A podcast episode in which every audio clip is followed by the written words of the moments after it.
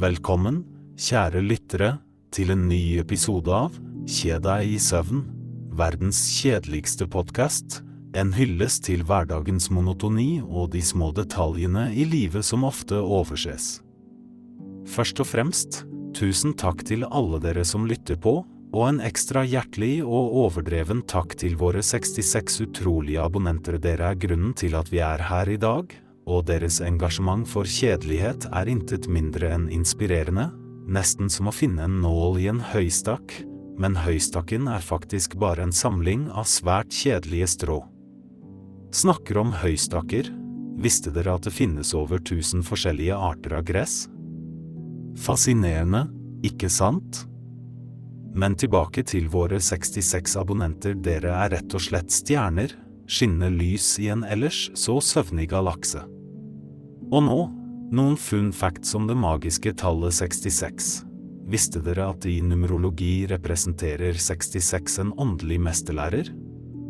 eller at det er antall bøker i den protestantiske versjonen av Bibelen. Og, for ikke å glemme, den ikoniske Ruth 66 i Amerika, kjent som The Mother Road. Men hvorfor stoppe ved 66? Hvorfor ikke 70, eller enda bedre 80?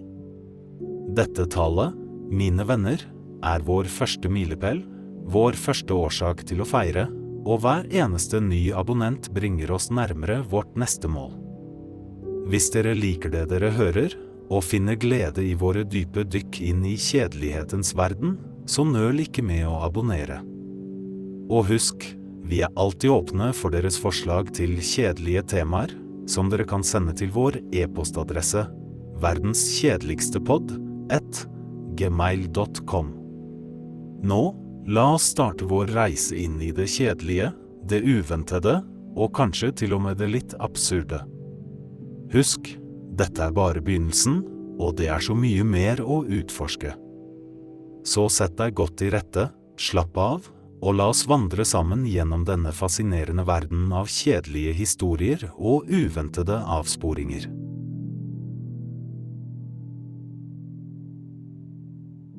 I en verden hvor sauer forsvinner på mystiske måter, møter vi først Bartolomeus, kalt Barto, en sau kjent for sin sneaky tilnærming til gjerder. Han er mistenkt for å ha organisert en masserømning fra sauegården, en kriminell mesterplan med en fluktvei så genial at selv Houdini ville blitt imponert. Deretter har vi Gertrud, eller Gerty, som alltid har vært litt av en enstøing. Hun er mistenkt for å ha stjålet bondens støvler, et mysterium som har forvirret alle, særlig fordi Gertie alltid har hatt en forkjærlighet for sko. Neste på listen er Alfred, kalt Freddy, en sau med en lidenskap for å grave. Freddy er mistenkt for å ha gravd en underjordisk tunnel, som et fluktrute for sauene, og muligens også for å smugle gress fra nabogården. Så har vi Penelope, eller Penny, en sau med en overraskende interesse for elektronikk. Hun er mistenkt for å ha sabotert det elektriske gjerdet, en kriminell handling som krever både mot og intelligens. Nå snakker om elektronikk, husker dere den gangen mobiltelefonene hadde antenner? Så merkelig, ikke sant? Men tilbake til sauene. Vi møter også Austase, kjent som Stacy, en sau med en uforklarlig interesse for labyrinter. Han er mistenkt for å ha omstrukturert hele gården til en gigantisk labyrint, noe som ville forklare hvordan så mange sauer forsvant uten spor. Deretter har vi Clarissa, eller Clary, en sau som alltid har hatt en fascinasjon for speil. Hun er mistenkt for å ha opprettet et speilsystem som forvirrer alle, noe som gjør det umulig å finne veien tilbake. Så kommer vi til Oliver, kalt Ollie, kjent for sin bemerkelsesverdige hukommelse. Ollie er mistenkt for å ha lært seg alle vaktbyttene på gården, og dermed hjulpet de andre sauene med å unngå oppdagelse. Neste på listen er Beatrice, eller Bea, en sau med en usannsynlig hobby, hun elsker å lese. Bea er mistenkt for å ha lest seg opp på fluktstrategier og delt denne kunnskapen med de andre sauene. Og så har vi Zachary, kalt Zack, en sau som alltid har vært litt av en gåte. Han er mistenkt for å ha lært seg å etterligne menneskelige stemmer, noe som har forvirret både bønder og sauer. Til slutt, men ikke minst, møter vi Isadora, eller Isy, en sau med en ekstraordinær evne til å kamuflere seg.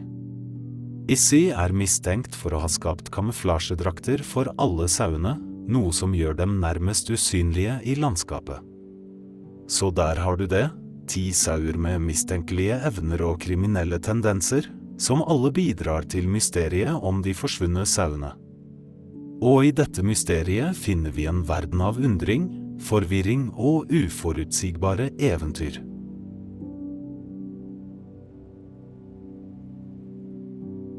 I den lille byen Lamington var det en gang en bank som var kjent for sin imponerende arkitektur, med søyler som minnet om antikkens Roma og et kuppeltak som kunne skryte av håndmalte fresker. Midt i denne praktfulle bygningen planla en gruppe sauer det mest dristige bankranet noensinne. Først var det Winston, kalt Oini, en sau med en forkjærlighet for tall. Oini var hjernen bak operasjonen, mistenkt for å ha knekket bankens kodesystem. Deretter hadde vi Bernhard, eller Bernie, kjent for sin styrke. Han var mistenkt for å ha brutt seg inn i bankens hvelv ved å bruke ren fysisk kraft. Så var det Elinor, kalt Ellie, en sau med en utrolig evne til forkledning. Ellie var mistenkt for å ha utgitt seg for å være en bankansatt for å få tilgang til innsiden. Neste på listen var Gregory, eller Greg, en sau med en lidenskap for kart.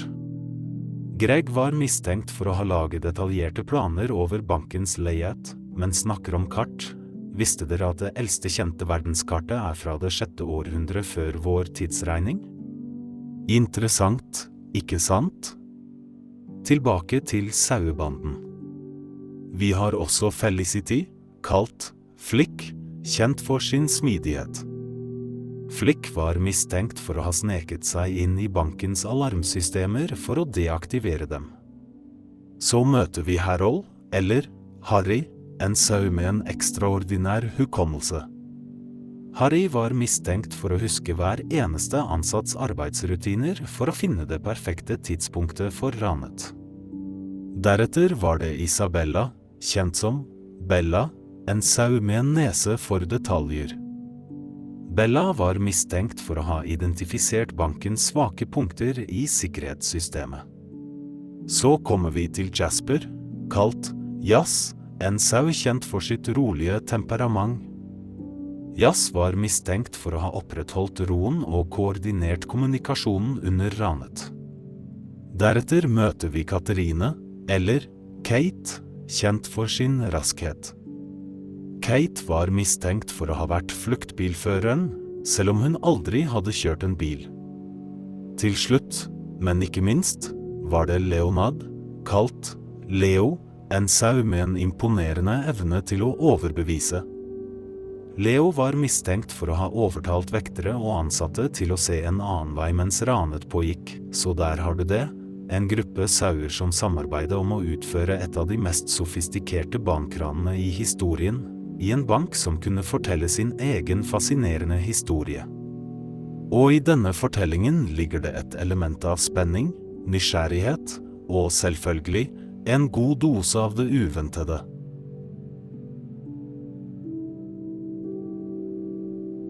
I en verden hvor sauer ikke bare er flinke til å følge flokken, men også til å bryte loven, møter vi Marvin, kalt Morv, en sau som alltid har vært litt klønete. Morv ble mistenkt for å ha forsøkt å stjele en bil, men endte opp med å sovne bak rattet.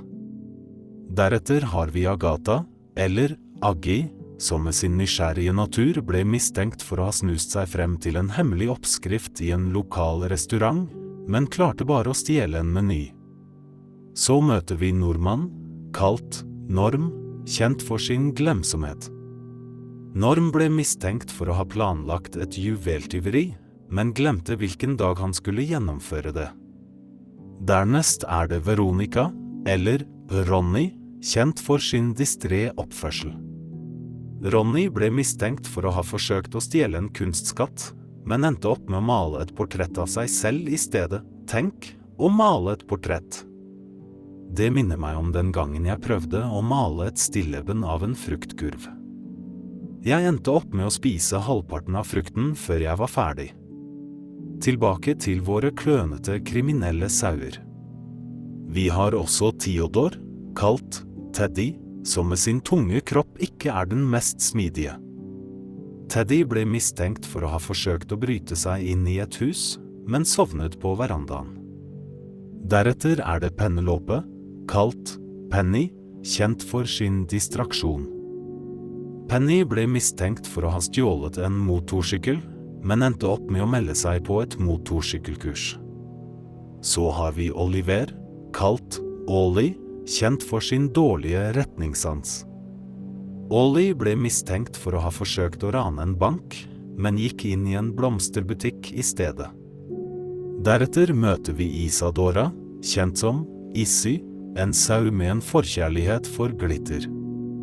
Issy ble mistenkt for å ha stjålet en diamant, men tok feil og stjal en glitrende julekule. Neste på listen er Fredrik, kalt Freddy, en sau som alltid har hatt en forkjærlighet for det dramatiske. Freddy ble mistenkt for å ha planlagt å kidnappe en kjendis, men endte opp med å bli fanget i kjendisens garderobe. Sist, men ikke minst, møter vi Geraline, eller Jerry, kjent for sin klumsethet. Jerry ble mistenkt for å ha forsøkt å stjele et verdenskjent maleri, men snublet og rev ned et forheng i stedet. Så der har du det, en gjeng med sauer som klønete forsøker å utføre sine kriminelle planer, og som hver på sin måte utfordrer vår forståelse av tyveriets etikk og sauens moralske kompass.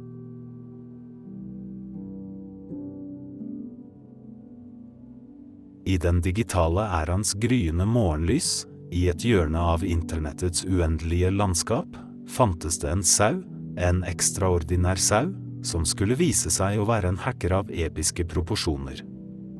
Første sau i denne fortellingen er Leonard, kalt Lenny, en sau med en uforklarlig forståelse for kryptering.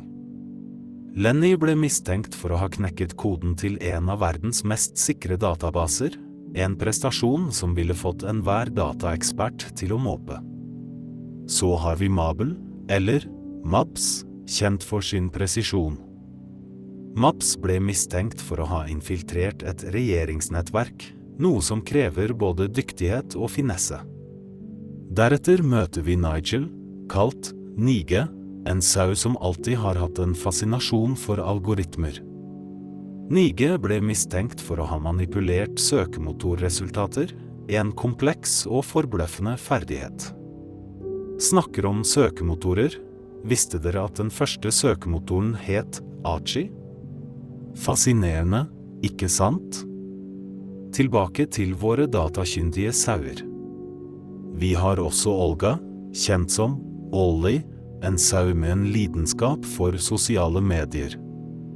Ollie ble mistenkt for å ha opprettet falske profiler på tvers av diverse plattformer, en virkelig moderne form for bedrag. Deretter er det Patricia, kalt Patty, kjent for sin evne til å løse komplekse problemer. Patty ble mistenkt for å ha utviklet et virus som kunne snike seg inn i de mest avanserte sikkerhetssystemene. Så møter vi Kontin, eller Kvinn, en sau med en ekstraordinær forståelse for nettverksinfrastruktur. Kvinn ble mistenkt for å ha sabotert et helt lands internettilgang, en handling som vekker både ærefrykt og skrekk. Deretter har vi Rachel, kalt Rack, kjent for sin dyktighet i datasikkerhet. Rack ble mistenkt for å ha stjålet kryptert informasjon fra flere multinasjonale selskaper. Så er det Samuel, kalt Sammy, en sau med en unik evne til å forstå menneskelig atferd online. Sammy ble mistenkt for å ha manipulert aksjemarkedet gjennom nøye utvalgte online innlegg. Neste sau er Tiffany, eller Tiff, kjent for sin hurtighet på tastaturet.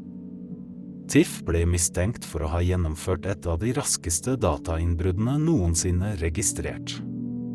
Til slutt, men absolutt ikke minst, møter vi Ursula, kalt Urs, en sau med en talent for å dekode hemmelige meldinger.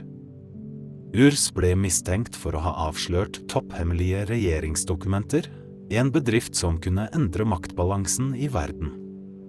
Så der har du det, Ti Saurs utrolige ferdigheter i den digitale verden, og deres tvilsomme, men imponerende, bidrag til hackingens kunst.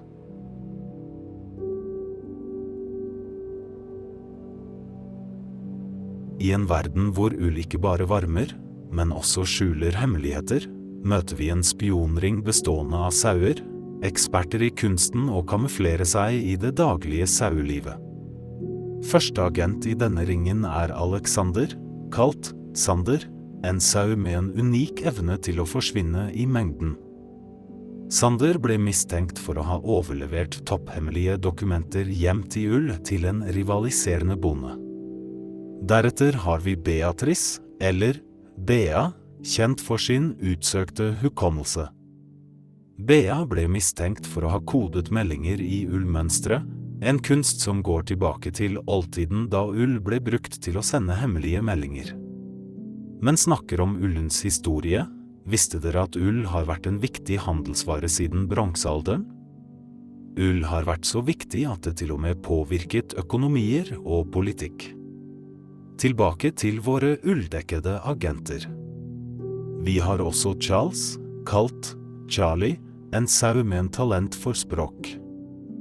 Charlie ble mistenkt for å ha oversatt hemmelige dokumenter ved hjelp av et kodet ullspråk. Deretter er det Delila, eller Lila, kjent for sin oppfinnsomhet. Lila ble mistenkt for å ha skjult spionutstyr i sin tett ullpels. Så møter vi Edvard, kalt Eddie, en sau med en eksepsjonell evne til å tolke kart. Eddie ble mistenkt for å ha kartlagt fiendens bevegelser ved å studere ullens handelsruter. Så er det Fiona, kalt Fifi, kjent for sin skarpe observasjonsevne. Fifi ble mistenkt for å ha overvåket hemmelige møter fra en høyde, kamuflert i ull. Deretter har vi George, eller Georgie, en sau med en evne til å hacke inn i datasystemer. Georgie ble mistenkt for å ha infiltrert Bondeforeningens datasystemer for å lekke handelsavtaler om ull. Så møter vi Helen, kalt Hels, kjent for sin hurtighet. Hels ble mistenkt for å ha levert hemmelige ullpakker over landegrenser. Neste på listen er Ian, eller Igi, en sau med en talent for å skape illusjoner. Iggy ble mistenkt for å ha brukt ull til å lage forvirrende kunstverk som skjulte kart over spionruter. Til slutt, men ikke minst, møter vi Julia, kalt Jules, en sau kjent for sin diplomatiske evne. Jules ble mistenkt for å ha forhandlet hemmelige avtaler ved å bruke ull som en fredsgave. I denne fortellingen om ull og spionasje finner vi ikke bare en historie om hemmeligheter og bedrag, men også en fortelling om hvordan et så hverdagslig materiale som ull kan spille en viktig rolle i det skjulte spillet av internasjonal spionasje.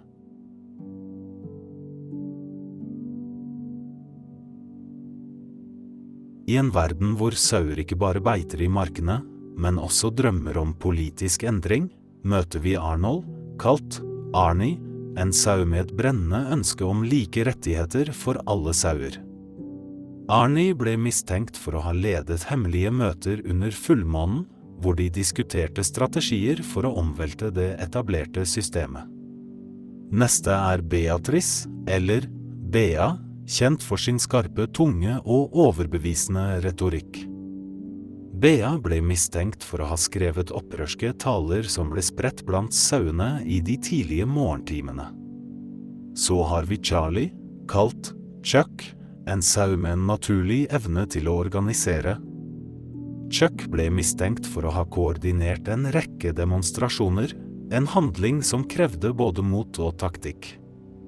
Men snakker om taktikk, visste dere at sjakk, spillet som utfordrer både strategi og taktikk, faktisk ble oppfunnet i India? Så fascinerende. Tilbake til våre revolusjonære sauer. Vi har også Daphne, kalt De, en sau med en lidenskap for rettferdighet. De ble mistenkt for å ha infiltrert bondens innerste krets for å samle informasjon. Deretter er det Edvard, eller Eddie, kjent for sin ferdighet i å unngå oppdagelse. Eddie ble mistenkt for å ha smuglet forbudte bøker inn på gården. Så kommer Fiona, kalt Fi, en sau med en talent for å lage plakater. Fi ble mistenkt for å ha designet visuelt slående plakater som oppfordret til revolusjon. Deretter har vi George, eller Georgie, kjent for sin evne til å motivere andre. Georgie ble mistenkt for å ha holdt hemmelige oppmuntringstaler ved grytidlig morgen. Så er det Hetter, kalt Hetty, en sau som alltid har stått opp for de svake. Hetty ble mistenkt for å ha organisert en hjelpegruppe for sauer som hadde blitt behandlet urettferdig. Neste på listen er Ian, eller Igi, en sau med en ekstraordinær evne til å formidle komplekse ideer. Iggy ble mistenkt for å ha utviklet en detaljert plan for en ny samfunnsstruktur. Til slutt, men ikke minst, møter vi Julia, kalt Jules, en sau kjent for sin diplomatiske evne. Jules ble mistenkt for å ha forhandlet hemmelige avtaler med sauer fra nabogårder for å bygge en allianse. I denne historien om politisk engasjement og revolusjonære ideer finner vi ikke bare en fortelling om sauer som streber etter endring, men også en refleksjon over politikkens natur og dens innvirkning på individet og samfunnet.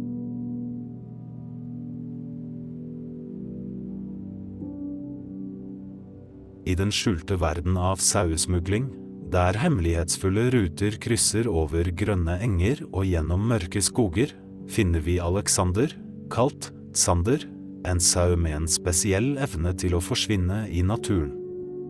Sander ble mistenkt for å ha smuglet sjeldne blomsterfrø over landegrensene, frø som kunne forandre hele økosystemet. Deretter har vi Beatrice, eller Bea, kjent for sin smidighet. Bea ble mistenkt for å ha transportert antikke bøker under sin ull, bøker som fortalte om glemte sivilisasjoner. Så møter vi Charlie, kalt Chuck, en sau med en utrolig retningssans. Chuck ble mistenkt for å ha ledet et nettverk av smuglerruter, ruter som strakte seg langt under jorden, gjennom hemmelige tunneler. Men snakker om tunneler, Visste dere at det lengste tunnelnettet i verden er i New York? Fascinerende, ikke sant? Tilbake til våre hemmelighetsfulle sauer. Vi har også Delila, eller Lila, kjent for sin diskresjon. Lila ble mistenkt for å ha smuglet sjeldne insekter, arter som var ettertraktet av samlere verden over. Deretter er det Edvard, kalt Eddie, som med sin listige natur ble mistenkt for å ha distribuert forbudte filmer, filmer som kunne forandre tankesett. Så kommer Fiona, kalt Fi, en sau med en unik evne til å snakke med fugler. Fi ble mistenkt for å ha brukt fuglene til å sende meldinger på tvers av kontinenter. Deretter har vi George, eller Georgie, kjent for sin kjærlighet til eventyr. Georgie ble mistenkt for å ha fraktet eksotiske planter, planter som kunne helbrede eller forgifte. Så møter vi Hetter, kalt Hetty, en sau som alltid har vært fascinert av historie. Hetty ble mistenkt for å ha smuglet gamle mynter, mynter som fortalte historier fra fortiden. Neste på listen er Ian, eller Igi, kjent for sin evne til å unngå oppdagelse. Iggy ble mistenkt for å ha smuglet sjeldne fugleegg, egg som kunne klekkes til utdødde arter. Til slutt, men absolutt ikke minst, møter vi Julia, kalt Jules, en sau med en talent for å forhandle.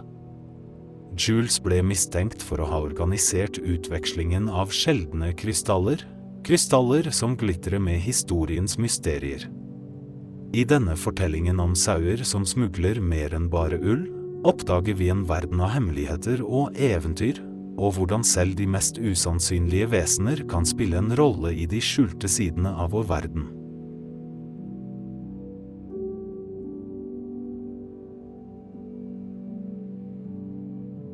I en verden hvor kunst ikke bare er et uttrykk for skjønnhet, men også et middel for bedrag, finner vi Arthur, kalt Artig, en sau med en eksepsjonell pensel. Artig ble mistenkt for å ha forfalsket et av Van Goghs mesterverker, en prestasjon som ville ha forbløffet kunstkjennere over hele verden. Deretter har vi Beatrice, eller Bea, kjent for sin detaljerte penselstrøk. Bea ble mistenkt for å ha laget en nøyaktig kopi av Mona Lisa, et smil som kunne lure selv de skarpeste øyne. Så møter vi Charlie, kalt Chuck, en sau med en lidenskap for farger. Chuck ble mistenkt for å ha forfalsket flere av Picasso sine tidlige verker, et kupp som ville ha rystet kunstverdenen til kjernen. Men snakker om Picasso, visste dere at han var en av grunnleggerne av kubismen? En bevegelse som forandret kunstens ansikt for alltid. Tilbake til våre kunstforfalskende sauer. Vi har også Delila, eller Lila, en sau med en utrolig evne til å etterligne stiler. Lila ble mistenkt for å ha skapt en troverdig forfalskning av en Rembrandt, et kunststykke som utfordret ideen om ekthet. Deretter er det Edvard, kalt Eddie, kjent for sin evne til å blande farger. Eddie ble mistenkt for å ha forfalsket en rekke av Klimts verker, en bedrift som ville ha forbløffet kunstsamlere. Så kommer Fiona, kalt Fi, en sau med en ekstraordinær følsomhet for lys og skygge. Fi ble mistenkt for å ha kopiert flere av Vermers lysfylte scener, bilder så levende at de kunne lyse opp ethvert rom. Deretter har vi George, eller Georgie, kjent for sin kjærlighet til abstrakt kunst. Georgie ble mistenkt for å ha forfalsket en serie av Pollocks dryppmalerier, et virvar av farger og former som kunne forveksles med originalene. Så møter vi Hetter, kalt Hetty, en sau som alltid har hatt en forkjærlighet for skulpturer. Hetty ble mistenkt for å ha skapt en troverdig kopi av Michelangelos David, en skulptur så detaljert at den kunne ha forledet selv den mest erfarne kunstekspert. Neste på listen er Ian, eller Iggy, kjent for sin evne til å skape illusjoner på lerretet.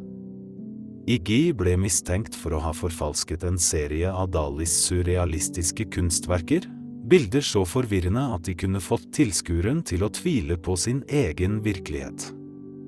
Til slutt, men ikke minst, møter vi Julia, kalt Jules, en sau med en talent for å skape realistiske portretter. Jules ble mistenkt for å ha forfalsket en rekke av Goyas portretter, bilder så levende at de kunne ha fortalt sine egne historier. I denne fortellingen om kunstforfalskning og kreativitet utforsker vi ikke bare grensene for hva som er ekte og hva som er falskt, men også spørsmålet om kunstens verdi, både moralsk og estetisk.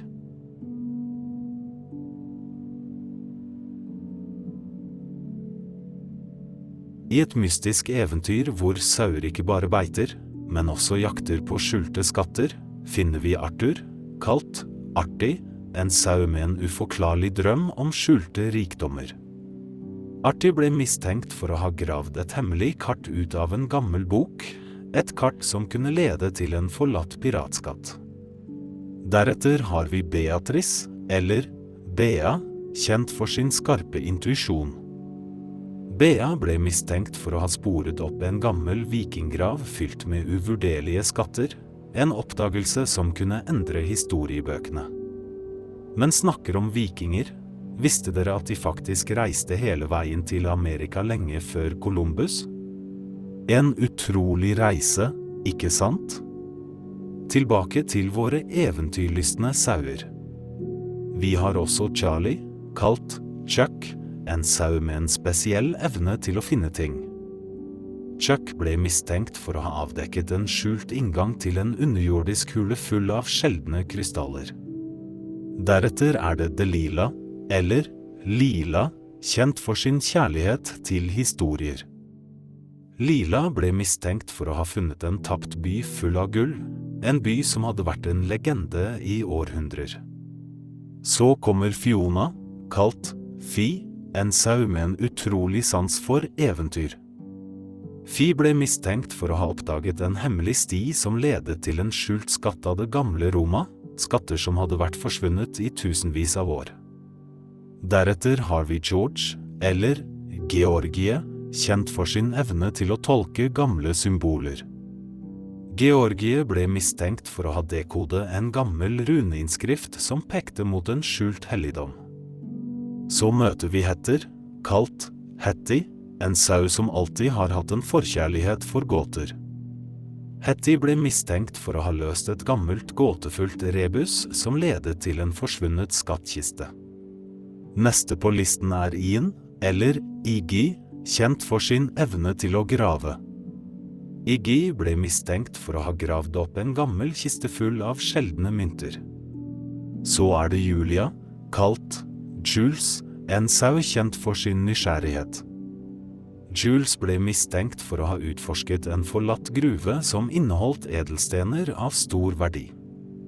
Til slutt, men ikke minst, møter vi Kevin, kalt Kev, en sau med en lidenskap for det ukjente. Kev ble mistenkt for å ha funnet restene av et sunket skip lastet med uvurderlige artefakter.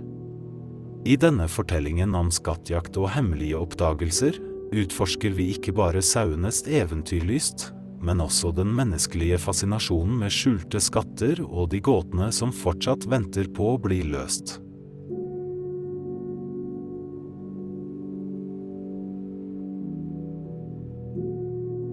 I en verden hvor sauer ikke bare er flokkdyr, men også individualister med en trang til frihet, finner vi Alfred, kalt Alfie, en sau kjent for sin slu natur. Alfie ble mistenkt for å ha gravd en hemmelig tunnel under det strengt bevoktede fengselet, en struktur som med sine høye murer og dystre tårn var et skremmende syn. Deretter har vi Barbara, eller Barbie, kjent for sin finurlige evne til å låse opp låser.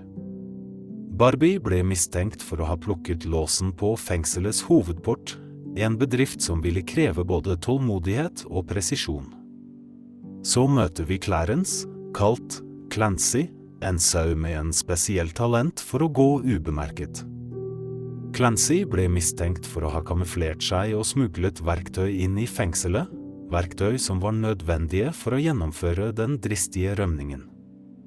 Men snakker om verktøy, visste dere at det eldste kjente verktøyet ble laget for over to millioner år siden? Det er ganske utrolig å tenke på. Tilbake til våre fengselsbrytende sauer. Vi har også Daphne, kalt Daffy, kjent for sin evne til å kommunisere i koder. Daffy ble mistenkt for å ha sendt kodede meldinger til de andre sauene om fluktplanen. Deretter er det Edgar, kalt Eddie, kjent for sin styrke. Eddie ble mistenkt for å ha brutt ned fengselets innerste vegg en handling som krever både kraft og mot.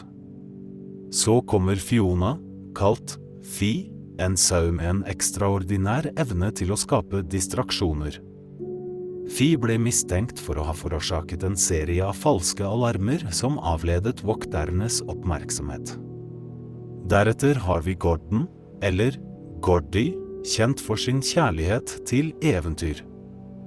Gordy ble mistenkt for å ha kartlagt fengselets luftkanaler, en potensiell rømningsvei som krever både modighet og smidighet. Så møter vi Harriet, kalt Hattie, en sau som alltid har hatt en forkjærlighet for mysterier.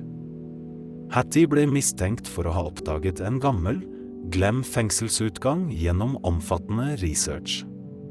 Neste på listen er Ivan, eller Igi, en sau med en ekstraordinær evne til å huske detaljer. Iggy ble mistenkt for å ha memorert vaktene sine tider og ruter, vital informasjon for en vellykket rømning.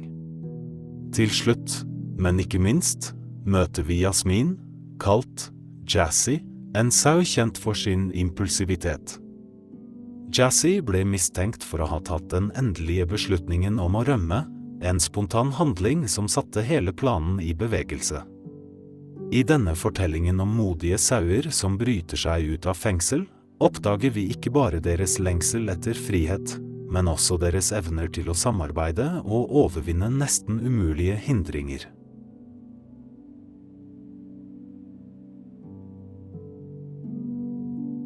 I en verden hvor sauer ikke bare er sauer, men også bærere av hemmelige identiteter, finner vi Arnold, kalt Arnie, en sau som på overflaten virker som en hvilken som helst annen sau, men i skjul er en mesterdetektiv. Arnie ble mistenkt for å ha løst flere uløste mysterier på gården, en prestasjon som krever både intellekt og list. Deretter har vi Belinda, eller Bella, kjent for sin dualitet. Bella ble mistenkt for å leve et dobbeltliv, om dagen en enkel sau og om natten en hemmelig kunstsamler. Så møter vi Cecil, kalt CC, en sau med en unik evne til å forandre utseende. CC ble mistenkt for å ha forvandlet seg til forskjellige dyr for å unngå oppdagelse. Men snakker om forvandlinger, visste dere at noen blekkspruter kan forandre både form og farge? En fascinerende egenskap i dyreverden. Tilbake til våre mystiske sauer. Vi har også Diana, kalt Di, en sau som alltid har vært fascinert av hemmeligheter. De ble mistenkt for å ha avslørt en hemmelig kode som bonden brukte for å kommunisere med nabogårdene. Deretter er det Edvard, kalt Eddie, kjent for sin tilsynelatende klønete oppførsel. Eddie ble mistenkt for i virkeligheten å være en genial oppfinner som bygger komplekse maskiner i skjul. Så kommer Fiona, kalt Fi, en sau med en ekstraordinær evne til å lytte. Fi ble mistenkt for å ha overhørt hemmelige samtaler og formidlet dem til andre sauer. Deretter har vi Gordon, eller Gordy, kjent for sin kjærlighet til eventyr. Gordy ble mistenkt for å ha ledet en hemmelig ekspedisjon for å finne en forsvunnet skatt. Så møter vi Harriet, kalt Hattie, en sau som alltid har hatt en forkjærlighet for historie. Hattie ble mistenkt for å ha oppdaget en gammel, glem bok som fortalte om gårdenes sanne historie. Neste på listen er Ian, eller Igi, kjent for sin evne til å snakke flere språk. Iggy ble mistenkt for å ha kommunisert med dyr fra andre land, en ferdighet som åpner for et mylder av muligheter. Til slutt, men ikke minst, møter vi Julia, kalt Jules, en sau kjent for sin diplomatiske evne. Jules ble mistenkt for å være en hemmelig mellommann mellom ulike dyregrupper på gården, en rolle som krever både finesse og diskresjon. I denne fortellingen om sauer med hemmelige identiteter utforsker vi ikke bare spørsmålet om identitet og eksistens, men også de bisarre spekulasjonene som kan oppstå når ingenting er som det ser ut til å være.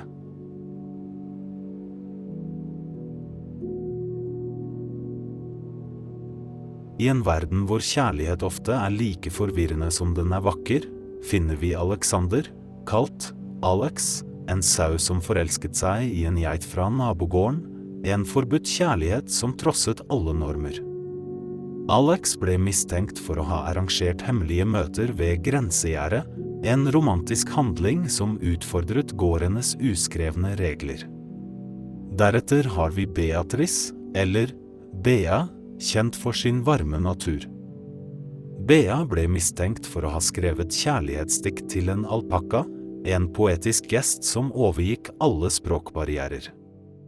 Så møter vi Cecil, kalt CC, en sau med en uforklarlig dragning mot fugler. CC ble mistenkt for å ha utviklet en unik kommunikasjonsform med en ensom svane, en forbindelse som utforsket kjærlighetens grenser. Men snakker om fugler, visste dere at svaner faktisk kan danne livslange parforhold? En nydelig manifestasjon av naturens romantikk. Tilbake til våre kjærlighetssøkende sauer. Vi har også Diana, kalt Di, en sau som alltid har hatt en forkjærlighet for eventyr. De ble mistenkt for å ha rømt fra gården for å følge etter en vandrende trubadur, en reise som vitner om kjærlighetens uforutsigbarhet. Deretter er det Edvard, kalt Eddie, kjent for sin stille lidenskap. Eddie ble mistenkt for å ha sendt anonyme kjærlighetsbrev til en sau fra en fjern gård, et mysterium som vekket nysgjerrigheten til mange. Så kommer Fiona, kalt Fi, en sau med en ekstraordinær evne til å lytte. Fi ble mistenkt for å ha tilbrakt utallige netter lyttende til stjernenes visdom, på jakt etter svar om kjærlighetens natur. Deretter har vi Gordon, eller Gordy, kjent for sin tro på skjebnen. Gordy ble mistenkt for å ha fulgt stjernene i håp om å finne sin sjelevenn, en tro som utfordret forståelsen av tilfeldighet og skjebne. Så møter vi Harriet, kalt Hattie, en sau som alltid har vært en drømmer. Hattie ble mistenkt for å ha dagdrømt om en fiktiv sau, en illusjon som utforsket drømmenes rolle i kjærlighetslivet. Neste på listen er Ian, eller Iggy, kjent for sin romantiske natur. Iggy ble mistenkt for å ha arrangert et hemmelig stevnemøte under fullmånen, en handling som vitner om kjærlighetens magi. Til slutt, men ikke minst, møter vi Julia, kalt Jules, en sau kjent for sin lidenskapelige sjel. Jules ble mistenkt for å ha malt et portrett av sin hemmelige kjærlighet, et kunstverk som fanget essensen av følelser. I denne fortellingen om kjærlighet og lengsel utforsker vi ikke bare kjærlighetens filosofi og dens mange former, men også hvordan selv de mest usannsynlige skapningene kan oppleve følelser så dype og forvirrende som kjærlighet.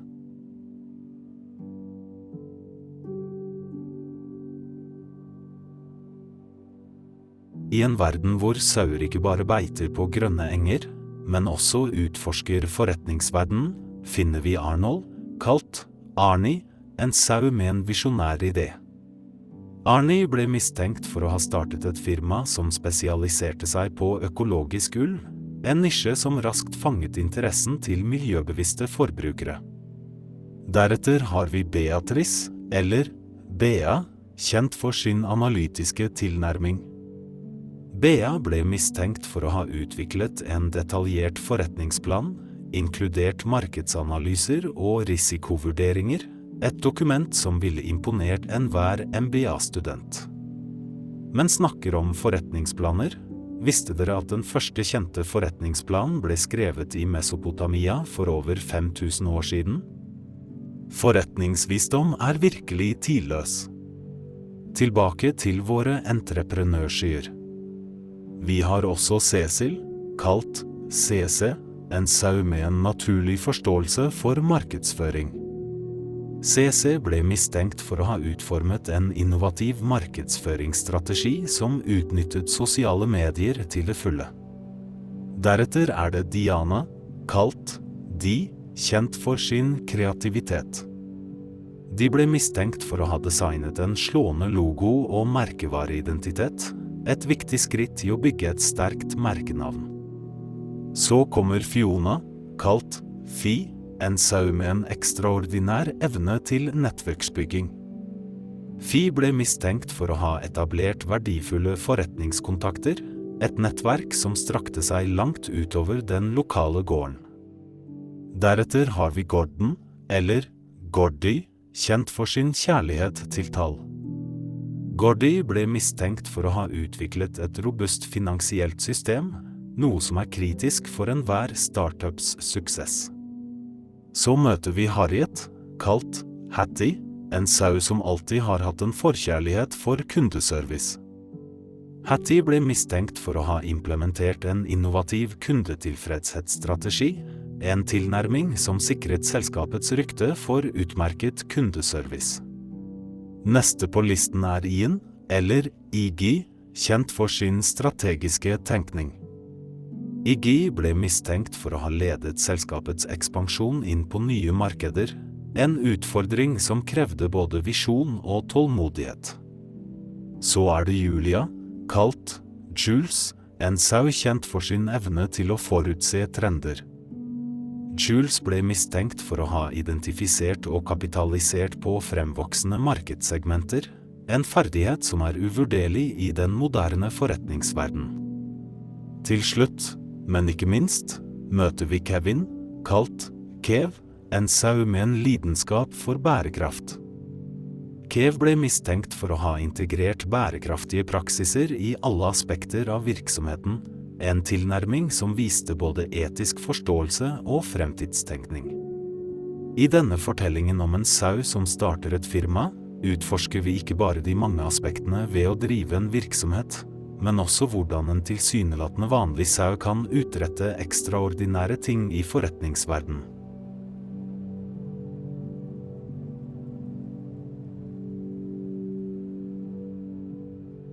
I et grønt og frodig landskap, der naturens harmoni ofte blir forstyrret av menneskelig aktivitet, finner vi Alfred, kalt Alfie, en sau som utviklet en dyp forståelse for miljøet.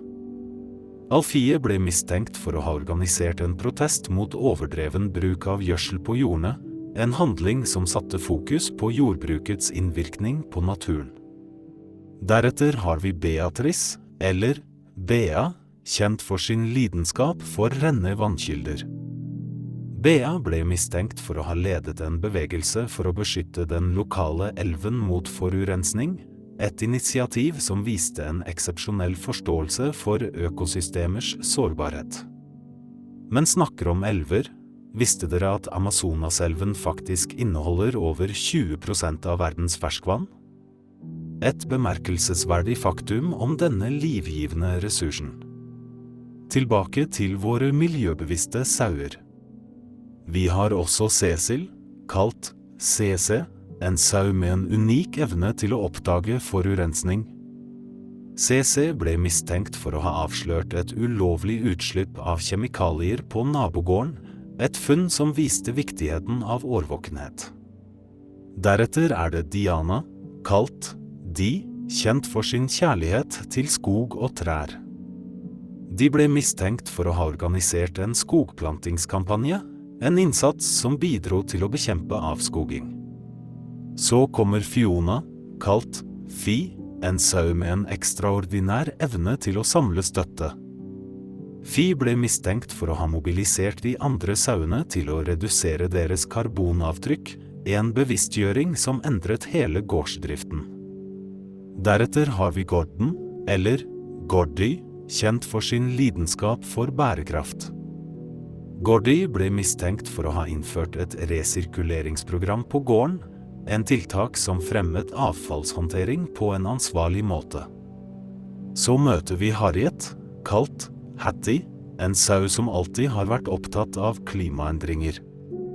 Hattie ble mistenkt for å ha delt ut informasjonsmateriell om klimaendringer til de andre dyrene, et skritt som økte bevisstheten om denne globale utfordringen. Neste på listen er IN, eller IG, kjent for sin interesse i fornybar energi. IG ble mistenkt for å ha fremmet bruken av solcellepaneler på låvetaket, en innovasjon som reduserte gårdenes avhengighet av fossile brennstoffer. Så er det Julia, kalt Jules, en sau kjent for sin talsmannsrolle for dyrevern. Jules ble mistenkt for å ha argumentert for bedre levevilkår for gårdens dyr, en appell som understreket viktigheten av dyrevelferd. Til slutt, men ikke minst, møter vi Kevin, kalt Kev, en sau med en bekymring for fremtidige generasjoner. Kev ble mistenkt for å ha lansert en kampanje for å bevare naturressurser for fremtidige sauegenerasjoner, En visjon som viste en dyp forståelse for bærekraft og økologi.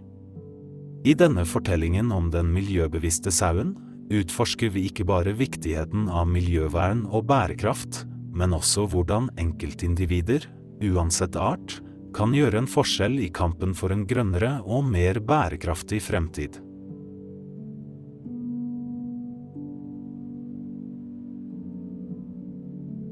I en verden full av intriger og hemmeligheter finner vi Alfred, kalt Alfie, en sau som ble plassert under vitnebeskyttelse etter å ha avslørt en ulovlig gjødseloperasjon.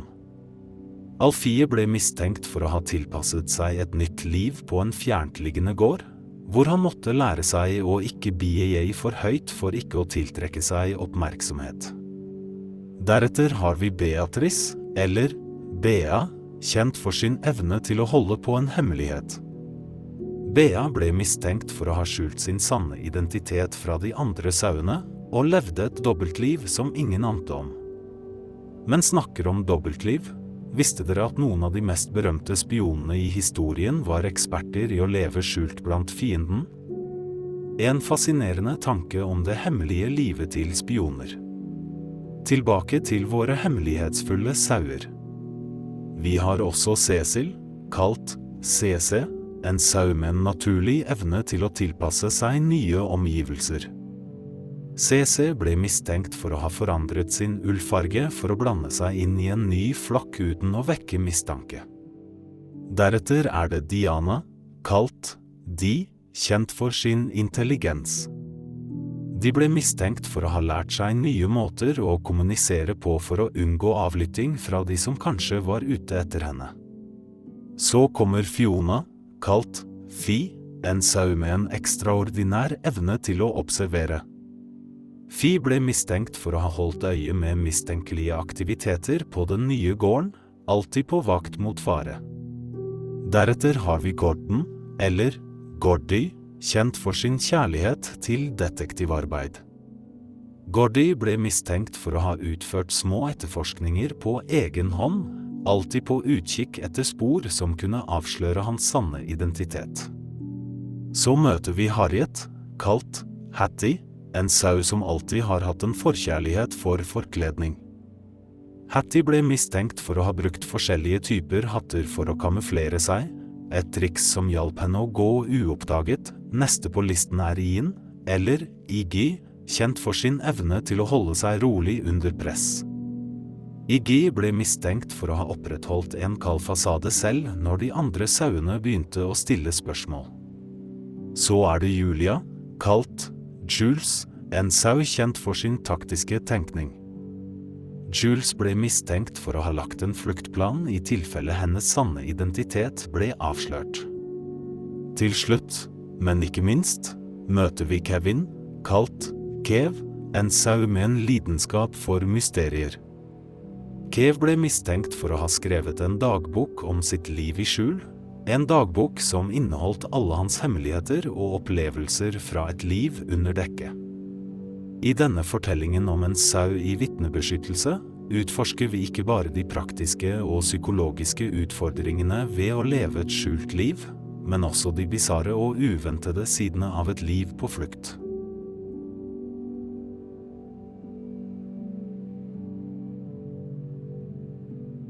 I et univers hvor virkeligheten smelter sammen med drømmenes absurde landskap, møter vi Alexander, kalt Alex, en sau som blir mistenkt for å kunne gå gjennom vegger. Alexes tilsynelatende evne til å forsvinne og dukke opp på umulige steder skapte forvirring og undring blant de andre sauene. Deretter har vi Beatrice, eller Bea, kjent for å snakke i gåter.